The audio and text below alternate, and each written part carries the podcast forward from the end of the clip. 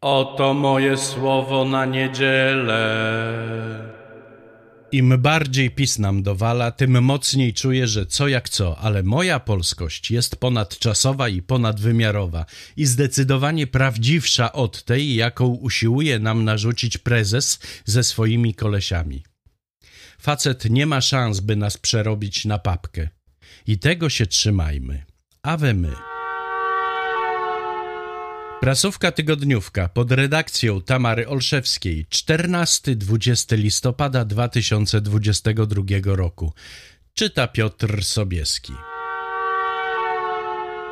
Beata Szydło została wiceprzewodniczącą specjalnej komisji Parlamentu Europejskiego do spraw zagranicznej ingerencji we wszystkie procesy demokratyczne w Unii Europejskiej. PiS ogłasza wielki sukces. I ja się z tym zgadzam. Wiadomo przecież, że tak jak najskuteczniejsi w walce z cyberprzestępstwami są byli hakerzy, tak i w tym przypadku najbardziej skuteczną będzie osoba znana z łamania praworządności i zasad demokracji. No to pani Beatko, do roboty. Zła wiadomość dla PiS, co mnie niezwykle raduje. Zmniejszyła się liczba mieszkańców w okręgach wyborczych sprzyjających partii prezesa, a za to przybyło ich tam, gdzie opozycja jest numerem jeden. Obowiązująca zgodnie z kodeksem wyborczym norma przedstawicielska w wyborach do Sejmu zakłada, że jeden mandat przypada na 78 424 mieszkańców. W obecnej sytuacji PiS straci co najmniej 7 mandatów, a opozycja zyska. PKW przesłała już do Sejmu odpowiedni wniosek o wprowadzenie odpowiednich zmian. I ciekawe, co teraz zrobi Witek. Jak myślicie? Susza suszy nierówna. Aż 450 milionów złotych przekazał Morawiecki na dopłaty za szkody spowodowane suszą. On cały z siebie zadowolony, a rolników szlak trafia, bo zgodnie z rządowymi kryteriami o kasę nie mogą ubiegać się rolnicy samotni, na przykład wdowy, oraz ci, których sprzedaż produktów rolnych w ciągu ostatnich dwóch lat nie opiewała przynajmniej na kwotę 5 tysięcy złotych. Czy to wkurzenie przełoży się na spadek poparcia dla partii rządzącej na wsi? Przekonamy się za rok.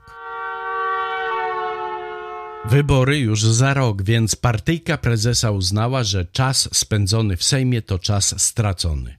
I dlatego w przyszłym roku posiedzenia będą się odbywać tylko trzy razy w miesiącu.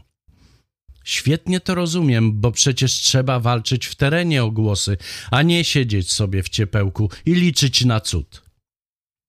A może w okresie przedwyborczym zamknąć budynek na wiejskiej na cztery spusty i wrzucić na luz? Może odpuścić sobie jakieś tam procedowanie, pozorowanie? W końcu na każdym kroku prezes podkreśla, że Polsce nic się nie stanie, bo Bóg czuwa. Więc może ta opieka wystarczy. Kasy nie ma, kryzys szaleje. A co robią politycy PiS? Nie odpowiadają im warunki w Centralnym Szpitalu Klinicznym Ministerstwa Spraw Wewnętrznych i Administracji, więc fundują sobie Państwowy Instytut Medyczny. Koszt tego kaprysu władzy to co najmniej 185 milionów złotych. Ponoć i zwykły obywatel będzie mógł skorzystać z jego usług. Ale to tylko takie gadanie. W praktyce chory Polak bez koneksji i układów będzie zdychał pod płotem, a ojcowie narodu i służby mundurowe, te tak lojalne, będą się pławić w luksusie i leczyć za nasze podatników pieniądze. Ale cyrk. Przedsiębiorcy, uwaga, od nowego roku będziecie płacić na ZUS nawet 2300 zł. I teraz najlepsze. Prezes ma dla Was dobrą radę. Jeżeli nie będzie Was stać na opłacenie ZUS-u, to znaczy, że nie nadajecie się do biznesu i powinniście zająć się czymś innym. I co Wy na to? Nadal kochacie prezesa? Niejaka Kępa zorganizowała w szkole Rydzyka konferencję pod hasłem Problem globalnej dechrystianizacji, prześladowania za wiarę w Europie i na świecie.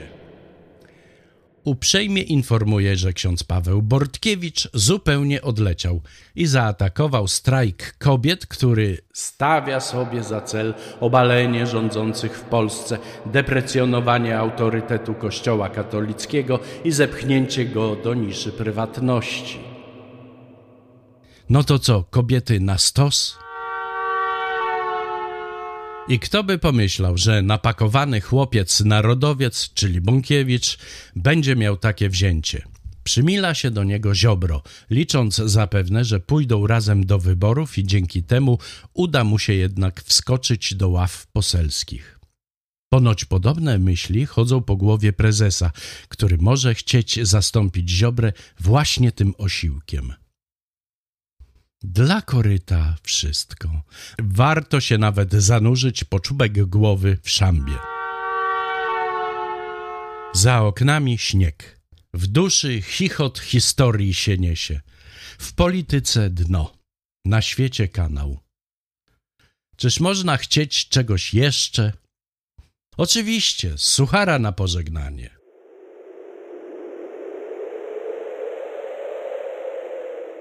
Przychodzi ledwo żywy grabarz do domu.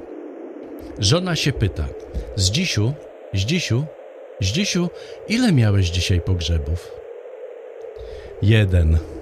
Ale to był pogrzeb premiera i jak wkładaliśmy trumnę do grobu, to rozległy się takie brawa, że cały pogrzeb musieliśmy siedem razy bisować. Była to prasówka tygodniówka pod redakcją Tamary Olszewskiej. Czytał Piotr Sobieski. Do usłyszenia.